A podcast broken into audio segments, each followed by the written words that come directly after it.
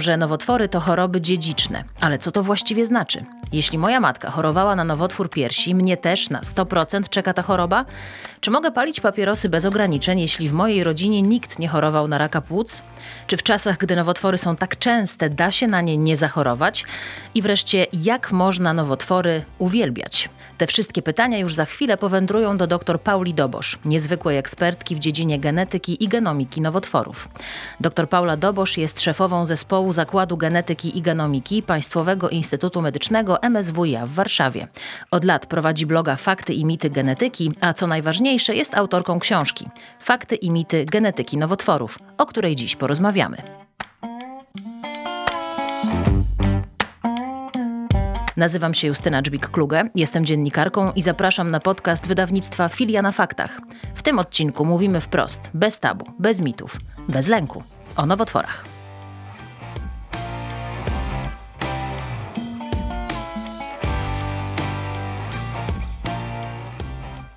Zacznijmy od wątku, którym ty zaczynasz swoją świetną książkę, mianowicie od tego, że uwielbiasz nowotwory. Pani doktor, jak można uwielbiać nowotwory? Dzień dobry. Dzień dobry. To może ja nie będę zdradzać do końca tego wątku, dlaczego ja naprawdę uwielbiam nowotwory i jak to się zaczęło.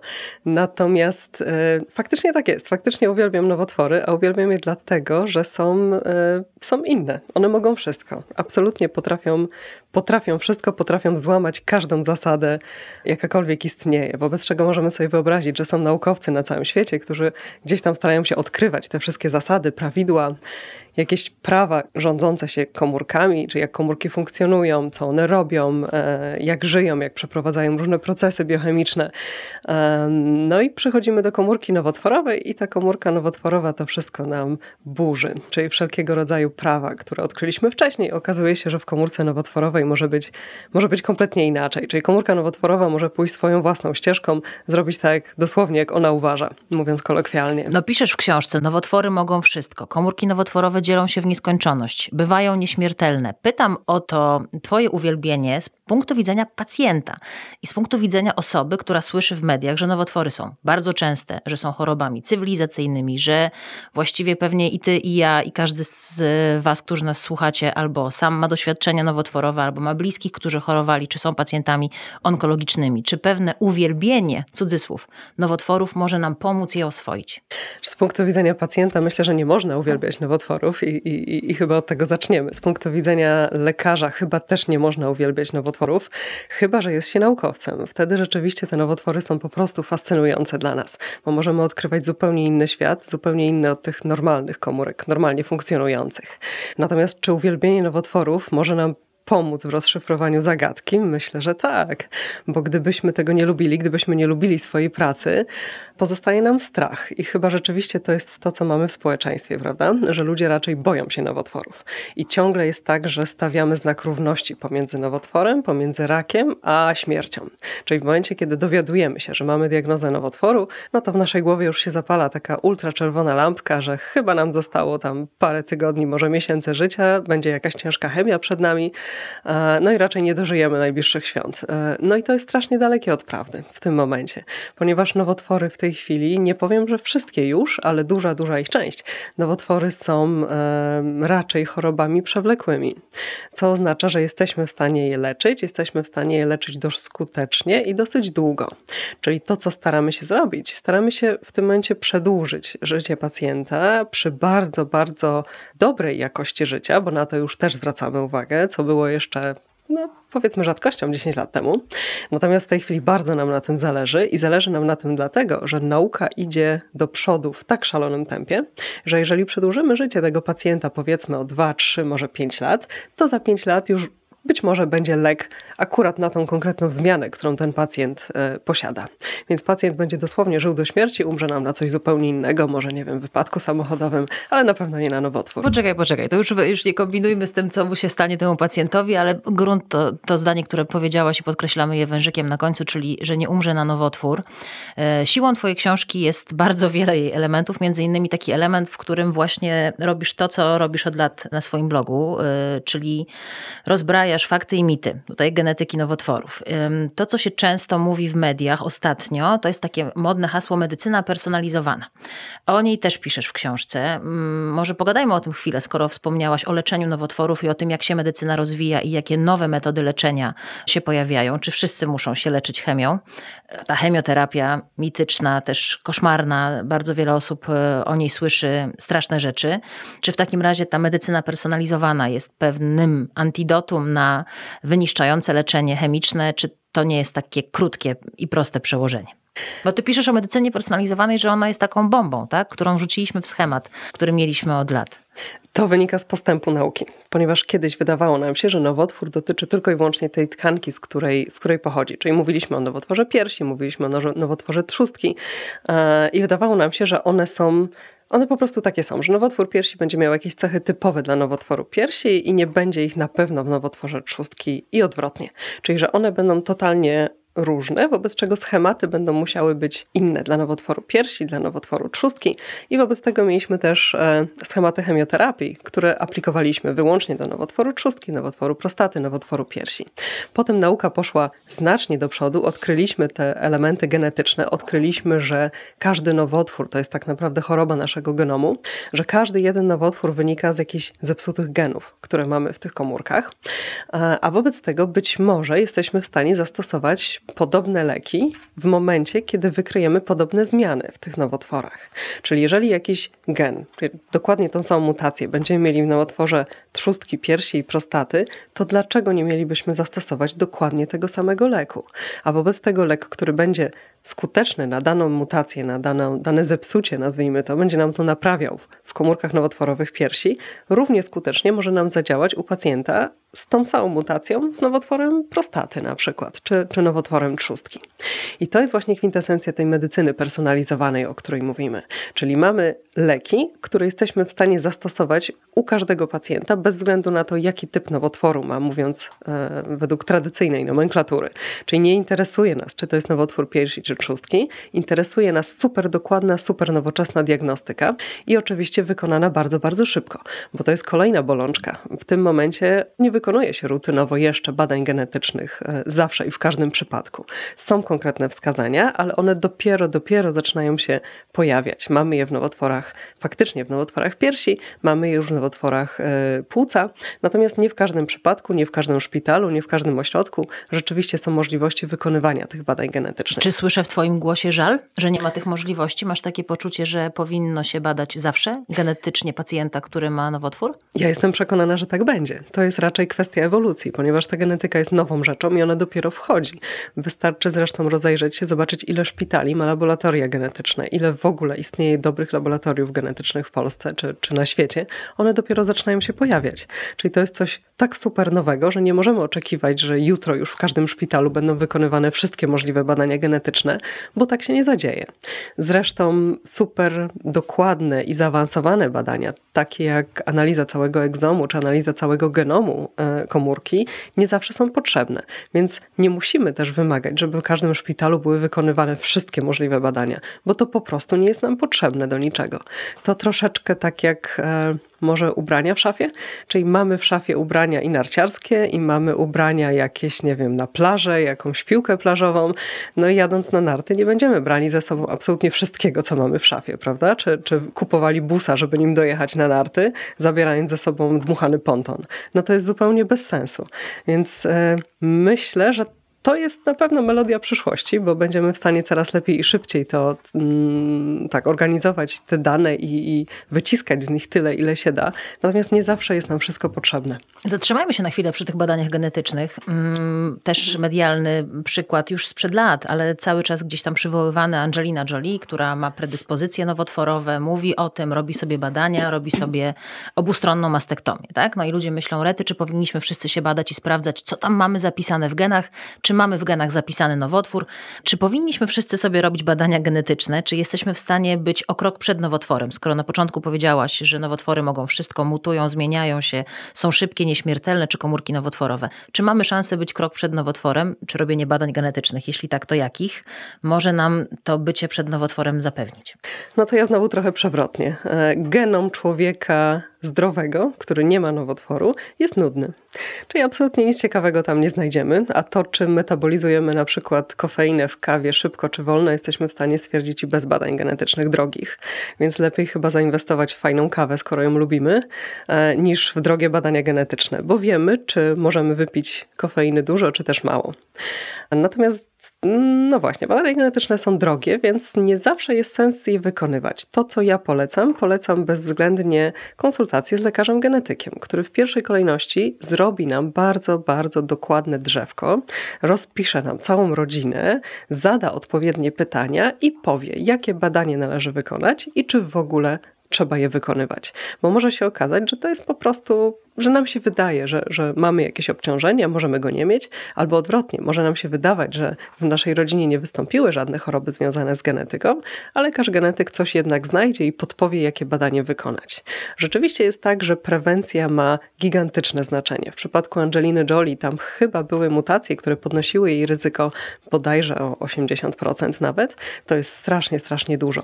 Więc tą prewencyjną mastektomię mamy, mamy ją również w Polsce. E, co więcej, NFZ również również refunduje mm, wykonanie implantów. Więc nie ma co się bać, że stracimy ten aspekt kobiecości, bo, bo tak nie będzie. A moim zdaniem chirurgia plastyczna poszła tak daleko do przodu, że czasami te e, implanty są nawet lepsze od naszych własnych piersi, czy wyglądają o wiele korzystniej. Także myślę, że ten, e, ten argument, e, tego argumentu już nie mamy, że tracimy biust, bo tak nie jest. Ale też mamy ten argument, który podniosłaś, żeby się zastanowić, czy na pewno badania genetyczne są nam potrzebne. One są modne, tak? Pojawiają się gdzieś w mediach, strony internetowe, różne, różnego rodzaju badania genetyczne, ale ty mówisz spokojnie, tak? Może nie stop, ale spokojnie. Nie rzucajmy się w to na hura. Nie zawsze i nie wszystkim jest to potrzebne. Także warto wcześniej to skonsultować ze specjalistą, czy naprawdę potrzebujemy i czego dokładnie potrzebujemy.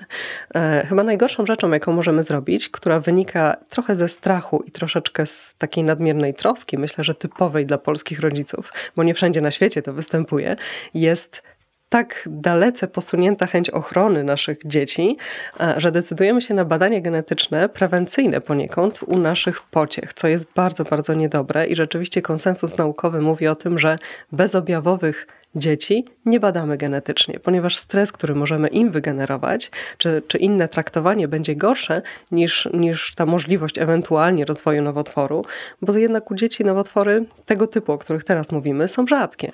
E, I nawet jeżeli u naszej córki wykryjemy tą mutację w genach typu BRCA1, BRCA2, to mówimy raczej o rozwoju nowotworu w wieku 20, 30, a raczej 40 czy 50 lat życia. Więc generowanie jej stresu wcześniej jest zdecydowanie niekorzystne. Także konsensus naukowy mówi o tym, że nie badamy dzieci. I mnie osobiście jako genetyka przerażają reklamy typu mm, sprawdź co drzemie w genach twojego maluszka. No nie może być nic gorszego, bo naprawdę nie wyczytamy z genów, czy nasze dziecko będzie super koszykarzem w przyszłości, czy może będzie, nie wiem, wirtuozem pianina, czy skrzypiec. No nie mamy żadnych szans, żeby dowiedzieć się takich rzeczy z genów. Tym bardziej, że bardzo lubimy sobie znajdować wymówki i powiedzieć, no na pewno będę chora na raka, bo moja mama chorowała, tak? Nie bierzemy pod uwagę tego, jak dużo zależy od nas i o tym chciałam z Tobą porozmawiać. Powiedziałam na początku tego podcastu, że nowotwory są dziedziczne. Ty piszesz takie świetne zdanie. Słowo genetyczne bywa e, stawiane na równi z dziedziczne, choć e, mają zupełnie inne znaczenie, coś, co jest dziedziczne. Zwykle jest też genetyczne, ale coś, co jest genetyczne, wcale nie musi być dziedziczne. Czy to jest clue? Jeśli jeśli chodzi o dziedziczenie czy genetyczność nowotworów? Zdecydowanie tak, bo mm, duża część nowotworów, właściwie większość, nie jest dziedziczna, ale jest genetyczna, ponieważ każdy jeden nowotwór wynika z pewnych zmian w naszych komórkach, z pewnych zmian genetycznych, zmian na poziomie genomu. I ogromna większość z nich to nie są rzeczy, które my odziedziczyliśmy od naszych przodków w jakikolwiek sposób. To są rzeczy, które nabyliśmy w trakcie naszego życia. I nie zawsze jesteśmy w stanie temu zapobiec, e, no bo na przykład mieszkamy w centrum Warszawy, poruszamy się przez całe życie, nie wiem, wracając z pracy idziemy zatłoczoną marszałkowską, no nie mamy innego wyjścia, taka jest nasza trasa do domu na przykład. Wobec tego jesteśmy narażeni na przykład na spaliny samochodowe, na smog, który się zwłaszcza zimą pojawia. Jesteśmy narażeni nawet na przechodniów, którzy idą i palą papierosy. I niestety musimy iść w tym tłumie i, i ci ludzie wydychają na nas ten dym papierosowy. I nie jest znowu, nie jest tak, że potrzebujemy jakiejś gigantycznej ilości tych, tej ekspozycji. Czyli musimy być eksponowani na przykład na dym papierosowy przez, dajmy na to, 10 lat codziennie. Wcale tak nie jest. Może się okazać, że akurat w naszym przypadku wystarczy jednorazowa ekspozycja. Czyli wystarczy, że stoimy na przystanku autobusowym i kilka osób będzie sobie paliło papierosy. No i to w naszym konkretnym przypadku już może doprowadzić do powstania nowotworu. Natomiast ciekawa rzecz, ten nowotwór nie powstanie nam za 5 sekund. Czyli to nie jest tak, że dzisiaj ulegliśmy ekspozycji na dużą dawkę dymu papierosowego, a jutro się budzimy z nowotworem. Absolutnie tak nie jest. Może być tak, że transformacji nowotworowej ulegną jakieś komórki w naszym organizmie, ale w tym momencie jesteśmy młodzi, zdrowi, silni, akurat, nie wiem, w szczycie, w szczycie swojej kariery zawodowej, jesteśmy super szczęśliwi, mamy silny układ immunologiczny, więc te komórki nowotworowe gdzieś tam sobie będą, ale one będą dosłownie schowane, czyli nasz układ immunologiczny będzie trzymał je w szachu dosłownie, będzie starał się, żeby one za bardzo tam nie rosły, będzie w stanie je rozpoznać, jakieś tam pozabijać, ale one cały czas gdzieś tam będą. No i za kilka, może kilkanaście lat, może nawet 20, 30 okaże się, że zaczynamy się starzeć i to jest coś, co dotyczy nas wszystkich i absolutnie nie jesteśmy w stanie temu przeciwdziałać. Wszyscy się zestarzejemy. Przykro mi, tak jest i nie ma co ściemniać, że tak nie będzie. I w tym momencie nasz układ immunologiczny starzeje się również. On będzie działał coraz gorzej, działał coraz słabiej i może się okazać, że w którymś momencie te komórki nowotworowe zyskają przewagę nad na przykład naszymi komórkami, nad, nad siłami układu immunologicznego. I w tym momencie rozwiniemy nowotwór. Ale czy będziemy w stanie wskazać, że ten nowotwór, który rozwijamy w wieku na przykład 65 lat, to on powstał jak mieliśmy lat 30? No jeszcze parę lat temu powiedziałabym, że nie jesteśmy w stanie, ale dzisiaj mogę już powiedzieć, że z dużą dozą prawdopodobieństwa, wykonując odpowiednio badanie genetyczne, jesteśmy w stanie wręcz podpowiedzieć, jak powstał ten nowotwór, od czego on się wziął. Może nie do końca kiedy, e, bo to... A co było tym, tą przyczyną? Tak? Co ale było co było przyczyną? tą przyczyną? Mhm. Tak, na przykład właśnie dym papierosowy jest takim bardzo charakterystycznym czynnikiem, ponieważ on dosłownie zostawia taki odcisk palca w naszym genomie. Więc my zawsze wiemy, że dany nowotwór był spowodowany paleniem. A niekoniecznie paleniem samej osoby, prawda? Bo może być tak, że partner palił, może być tak, że lubiliśmy kiedyś chodzić do klubów, bo, bo pewnie obie pamiętamy jeszcze czasy, kiedy kluby i restauracje były pełne dymu papierosowego. Pamiętamy, tylko zastanawiam się, bo idąc w tę stronę, za chwilę przestaniemy wychodzić z domu, bojąc się, że jedno dmuchnięcie na przystanku kogoś, kto pali papierosa, może nas kosztować w wieku lat 60 chorobę nowotworową. To mówię stop i sprawdzam, pytam, jak w takim razie możemy chronić się przed nowotworami, skoro mogą nas zaskoczyć w taki sposób, nawet nie przez nasze działania, tak, tylko przez środowisko, w którym jesteśmy? Czy w ogóle mamy jakąkolwiek broń? Mamy. Przecież nawet to nasze palenie, do którego ciągle wracamy, mamy zakazy palenia w większości miejsc. I to jest właśnie dlatego, bo jeżeli dana osoba ma ochotę sama niszczyć sobie zdrowie, proszę bardzo, ale wcale nie chcemy, żeby niszczyła zdrowie, zdrowia całego społeczeństwa, czy wszystkich ludzi dookoła. Więc dokładnie stąd wzięły się wszystkie e, zakazy palenia papierosów na przykład. Co możemy robić jeszcze? E, aktywność fizyczna. Okazuje się, że nie ma lepszego leku dla nas i nie ma lepszej rzeczy, która jest w stanie poprawić funkcjonowanie układu odpornościowego i w ogóle całego naszego organizmu niż aktywność fizyczna. Najlepiej jest około 30 minut dziennie, tak e, zalecają specjaliści, e, i najlepiej regularnie. Czyli nie coś takiego, że mamy czas w niedzielę po południu i raz na dwa tygodnie pójdziemy na spacer, czy pójdziemy pobiegać i natychmiast robimy to już 6 godzin, czy, czy całe popołudnie, tylko coś, co naprawdę jesteśmy w stanie robić w miarę regularnie. To może być spacer z psem jakiś dłuższy, to może być pobieganie, to może być yoga w domu, na macie, naprawdę cokolwiek, byle byłoby to regularne. I okazuje się, że ta aktywność fizyczna jest o wiele bardziej lekiem niż nam się kiedykolwiek wydawało. Jest coraz więcej publikacji naukowych, które pokazują wpływ aktywności fizycznej nie tylko na układ immunologiczny, ale na przykład na funkcjonowanie naszego mózgu. Więc regularne podejmowanie aktywności fizycznej sprawia na przykład, że w naszych, naszym mózgu są produkowane substancje, tak zwane neurotrofiny, które wspomagają nam działanie dosłownie komórek nerwowych, a, a nawet więcej, powodują, że te komórki mogą powstać powstawać nowe, bo już wiemy, że tak jest. Jeszcze kilka lat temu wydawało nam się, że jak stracimy neurony, to, to, to nic już ich nie uratuje. A w tej chwili wiemy, że są miejsca w mózgu, gdzie te nowe neurony powstają i zaczynamy dopiero uczyć się, uczyć się tego, kiedy i jak to takie się dzieje. Zdanie, takie zdanie z gabinetu, e, przepraszam, lekarskiego, no niech pani uprawia sport, e, to każdy pacjent powie, dobra, lekarze zawsze tak mówią, a ty mówisz, zawsze, ale są na to dowody naukowe, są badania, które pokazują, które przekonują, które dowodzą właśnie, że dokarmianie tego organizmu regularnie aktywnością fizyczną sprawia, że te komórki mają mniejszą szansę na mutację, tak, nowotworową. A nawet jeżeli będą miały tę mutację nowotworową, to jesteśmy w stanie w jakiś sposób innymi siłami, które mamy w organizmie, trzymać te komórki nowotworowe w szachu. Powiedziałaś tutaj bardzo fajne zdanie o tym, że my mówimy w gabinetach, czy mówimy pacjentom, czy mówimy w ogóle społeczeństwu żeby coś robić, na przykład uprawiać aktywność fizyczną. I to nie jest tak, że my sobie to wymyślamy, czyli siedzę sobie przy kawie rano i myślę, o kurczę, dobra, to dzisiaj wszystkim Jak mówię... utrudnię życie pacjentom. Tak, to dzisiaj mówię wszystkim, że mają na przykład, nie wiem, pić sok z żurawiny i uprawiać sport. To nie do końca tak jest. E, to, co przekazujemy ludziom, to, co staramy się przekazać pacjentom, to są do, dobrze sprawdzone informacje. To są informacje, które zostały potwierdzone ogromną ilością badań naukowych, a nie jakimś jednym pojedynczym doniesieniem, bo czasami jest tak, że idziemy na konferencję i dowiadujemy się, że ktoś coś odkrył, ktoś coś nowego wykazał, ale wszyscy podchodzą do tego zawsze, absolutnie zawsze z bardzo dużą dawką sceptycyzmu i czekamy na kolejne badania, czy rzeczywiście udało się to potwierdzić, czy też nie. Następna rzecz, e, coś co fantastycznie działa na myszach czy na liniach komórkowych w laboratorium, wcale nie oznacza, że będzie dobrze działało nam na ludziach. I tutaj mamy całą e, gamę badań dotyczących nowych leków czy badania kliniczne. Okazuje się, że w tych pierwszych fazach badań klinicznych ogrom leków odpada. Właśnie dlatego, że coś fantastycznie leczy raka na myszach. My w ogóle jesteśmy genialni w leczeniu myszy. Tak, myszy, my, myszy potrafimy uleczyć właściwie ze wszystkiego, natomiast większość tych leków nie działa na ludziach, bo jednak jesteśmy troszkę bardziej skomplikowanymi tworami. Mimo ogromnych podobieństw okazuje się, że te subtelne różnice są na tyle duże, no właśnie, że te leki działające na myszach nie działają nam na ludziach. Więc jeżeli polecamy coś pacjentowi, to znaczy, że to już zostało naprawdę bardzo dobrze sprawdzone i udokumentowane naukowo. Bez względu na to, czy to jest jakiś lek, czy aktywność fizyczna. Więc jeżeli mówimy pacjentom, że faktycznie aktywność fizyczna może nam znacznie poprawić funkcjonowanie, to naprawdę jesteśmy przekonani, że tak jest i mamy na to dowody. A pacjenci i tak lubią robić po swojemu. W Polsce są takie badania, jak to bardzo dużo suplementów stosujemy, ale w ogóle też bierzemy różne leki bez recepty. Mm, ty też podajesz przeróżne badania w swojej książce, między innymi takie dane.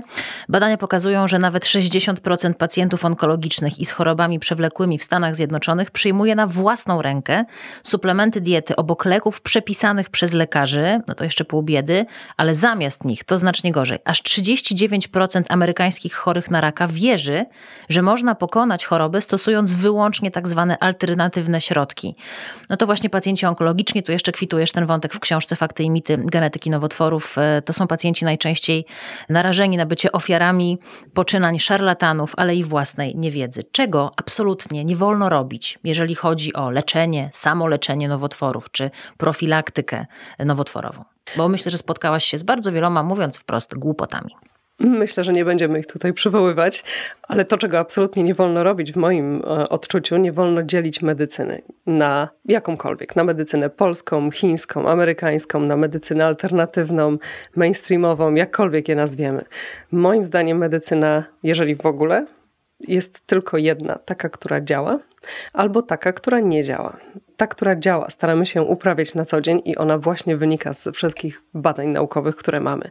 Z całych dekad, a właściwie nawet stuleci doświadczenia i klinicystów, i naukowców, i wszystkich ludzi, którzy tą medycynę przez wieki uprawiali.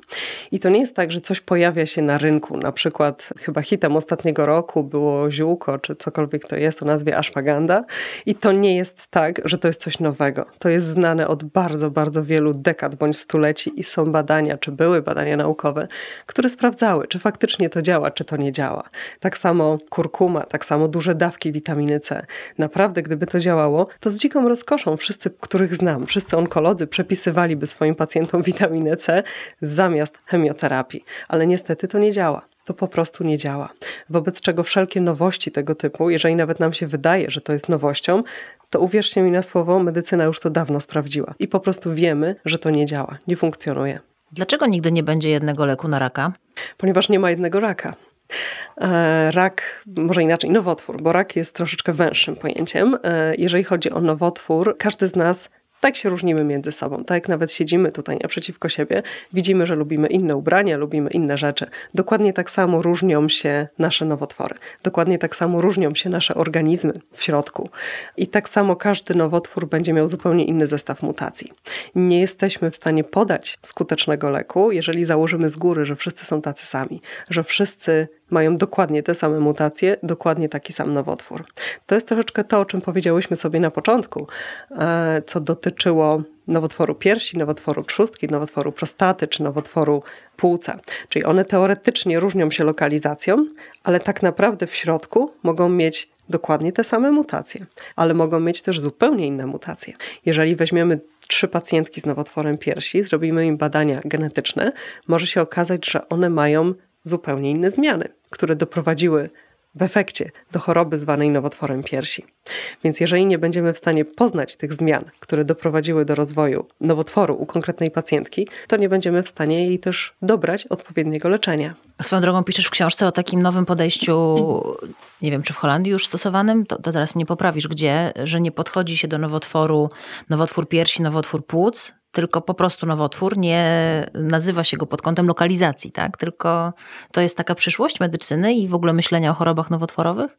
To już jest właściwie teraz nie, teraźniejszość w tym momencie. To jest e, tak z tymi badaniami genetycznymi i laboratoriami w szpitalach. Tego jeszcze nie ma wszędzie, ale to wynika po prostu z takiego dużego, długiego okresu inercji systemu. E, potrzebujemy wielu lat, żeby to się zadziało, żeby mieć rozwiązania systemowe, żeby zmienić pewne schematy. To podejście, o którym powiedziałaś, nazywamy onkoagnostycznym takie nowe słowo w języku polskim. Jest to rzeczywiście podejście zakładające, że po prostu nowotwór to nowotwór, choroba nowotworowa, a my staramy się dociec u każdego, każdego konkretnego pacjenta, co takiego się zepsuło i dopasować mu odpowiednią metodę leczenia, bez względu na to, gdzie zlokalizowany jest dany nowotwór. Do tego stopnia, że właściwie nie interesuje nas w podejściu onkoagnostycznym, czy to jest próbka z nowotworu piersi, z nowotworu mózgu, z nowotworu mm, nawet kości, no właściwie czegokolwiek. Po prostu badamy to, podchodząc do tematu ok, sprawdźmy, co się zepsuło i sprawdźmy, co możemy z tym zrobić przede wszystkim. Bo to jest jeszcze jedna ważna rzecz, o której chyba sobie nie powiedziałyśmy dzisiaj, e, że z genomu guza, z genomu pacjenta jesteśmy w stanie wyczytać nie tylko na co jest podatny dany nowotwór, czy jaki lek podać, żeby zadziałał, ale jesteśmy w stanie często wyczytać również, na co jest oporny. Czyli jakie leki w przypadku danego pacjenta z dużą z dużym prawdopodobieństwem nam nie zadziałają. I to jest szalenie istotne i z punktu widzenia płatnika, bo tak naprawdę, no niestety, musimy myśleć również przez pryzmat e, finansowy tutaj. Systemu, jasne. Systemu i bez względu na to, kto płaci za to leczenie. Czy płaci system, czy płaci sam pacjent, bo często też tak jest przecież w, w leczeniu. A, więc zyskujemy tutaj i ogromne finanse i zyskujemy czas pacjenta. A skoro jesteśmy w stanie od razu podać mu lek skuteczniejszy, no to ten pacjent szybciej poczuje się lepiej, szybciej nie będzie musiał być hospitalizowany, szybciej wróci do domu, szybciej wróci do pracy, bo będzie zdrowy i będzie w stanie tę pracę wykonywać. Więc to są ogromne zyski systemowe i nie mówimy tutaj tylko o zyskach związanych z samym leczeniem pacjenta teraz, w tym momencie, czy w perspektywie powiedzmy pół roku. Mówimy o gigantycznych zyskach systemowych wynikających z tego, że ci pacjenci nie będą nam umierać czy y, będą w stanie wrócić do pracy normalnie i prostu ge generować PKB, prawda? Jak wszyscy to robimy. No wszystkie aspekty poruszasz y, i etyczne, i ekonomiczne, i medyczne przede wszystkim w swojej książce Fakty i mity genetyki nowotworów. Piszesz też o takich stworach, które, no właśnie nie wiem, czy one miały nowotwory, czy nie. Dinozaury nie chorowały na nowotwory? Wszyscy chorowali na nowotwory. Chyba nie ma takiego, takiego stworzonka, które nie miałoby nowotworów. No Mówimy no pytam tutaj... o to w kontekście chorób cywilizacyjnych, tak? Czyli dzisiaj mówią niektórzy w kryzysie wieku średniego, kiedyś były czasy, teraz nie ma czasów. A ja powiem, o kiedyś nie było nowotworów, teraz są. Prawda czy nie? Nieprawda. Oczywiście, że nieprawda. Nowotwory zawsze były, są i, i pewnie będą, natomiast nauczymy się, czy uczymy się e, z nimi walczyć. Dinozaury też miały nowotwory, jest na to bardzo dużo już dowodów w tym momencie e, z materiału kopalnego. Natomiast nowotwory u dinozaurów, o których piszą badania naukowe, to przede wszystkim nowotwory kości z bardzo prostego powodu. Wcale nie chodzi o to, że dinozaury miały wyłącznie tego typu nowotwory, a nie chorowały na przykład na nowotwory skóry, czy, czy cokolwiek dinozaurzego tam, tam istniało w dinozaurach ale chodzi o to, że ten materiał się nie zachował. Przecież w momencie rozpadu tkanki nam bardzo szybko ulegają dekompozycji, mamy bakterie, które pięknie nam to rozłożą. Więc to, co my mamy, to czym naukowcy dysponują, to są wyłącznie kości. Więc jeżeli jesteśmy w stanie cokolwiek zbadać u dinozaurów nowotworowego, no to będą to nowotwory kości, bo to mamy. To widzimy, to jest w materiale kopalnym, jest świetnie opisane naukowo. Nie chciałabym żyć 100 lat temu, ani 200 lat temu, bo nowotwory też wtedy były, ale tam było całkiem dużo innych nieciekawych rzeczy, przede wszystkim choroby zakaźne. Teraz mamy fantastycznie działające szczepionki, mamy leki. To, czy z tego korzystamy, to jest zupełnie inna kwestia w XXI wieku, niestety. Natomiast mamy to wszystko i to sprawia, że możemy się zajmować innymi rzeczami, których kiedyś nawet byśmy być może nie dostrzegli, bo byśmy do tego czasu nie dożyli. Jak się domyślam, szczepionka na nowotwór raczej nie powstanie. Na jeden nowotwór nie, natomiast istnieją szczepienia, faktycznie szczepienia na nowotwór, to są szczepienia personalizowane e, i one troszeczkę działają jak leki, czyli wykonujemy najpierw badanie genetyczne u danego pacjenta, sprawdzamy, co takiego zepsuło się w jego genomie, w jego konkretnym nowotworze, a potem na tej bazie w laboratorium tworzymy szczepionkę, którą podajemy pacjentowi i która de facto uczy układ immunologiczny pacjenta rozpoznawania komórek nowotworowych i walki z nimi. Więc to są takie szczepionki terapeutyczne, one są w fazie badań klinicznych w tej chwili i mają naprawdę dobre wyniki. Więc myślę, że to jest przyszłość, e, nasza przyszłość, ale to to są szczepionki jako leki. Natomiast jest jeszcze jeden aspekt szczepionki, które mogą obniżyć nam ryzyko zachorowania na pewne nowotwory. I tutaj takim klasycznym przykładem będą szczepionki e, przeciwko HPV, przeciwko zakażeniom wirusowi HPV. Fantastyczne badania, poniekąd eksperyment społeczny, który został przeprowadzony w Australii. Gorąco polecam na stronach nie tylko naukowych, można dużo na ten temat przeczytać. Pokazano, że mm, stosując bardzo wcześnie szczepienia przeciwko HPV i u chłopczyków, i u dziewczynek, bo to też jest istotna rzecz, to nie jest tylko damska sprawa, absolutnie. Jesteśmy w stanie obniżyć w ogóle występowanie nowotworów w społeczeństwie o jakąś zawrotną, zawrotny procent. Nie pamiętam w tym momencie dokładnie ile, ale to było naprawdę Naprawdę, naprawdę dużo. Ale e, dr Paula Dobosz e, może nie pamięta tak przy okazji nagrania podcastu wszystkich badań, ale wszystkimi się posługuje. Połowa książki Fakty i mity genetyki nowotworów to są odnośniki do, do badań. Może nie połowa, ale bardzo duża część. To też polecam lekturę tej końcówki e, książki. Trochę na koniec, właściwie płynąc do brzegu tej naszej oswajającej, mam takie poczucie nowotwory opowieści i twojej opowieści, zapytam przewrotnie, czy da się na nowotwór nie zachorować? Myślę, że jest to bardzo ciężkie. Szacuje się w tym momencie, że co druga osoba nawet może zachorować na nowotwór. Jeszcze chwilę temu myśleliśmy, że co trzecia. W tej chwili być może już nawet co druga. Wynika to przede wszystkim z długości życia. Żyjemy coraz dłużej i w ciągu całego naszego życia jesteśmy jednak narażeni na całą, e, całą gamę różnych czynników, które, które mogą powodować zmiany w naszym genomie. Natomiast myślę, że nie należy się tego bać, ponieważ w tym momencie nowotwory to już są choroby raczej przewlekłe.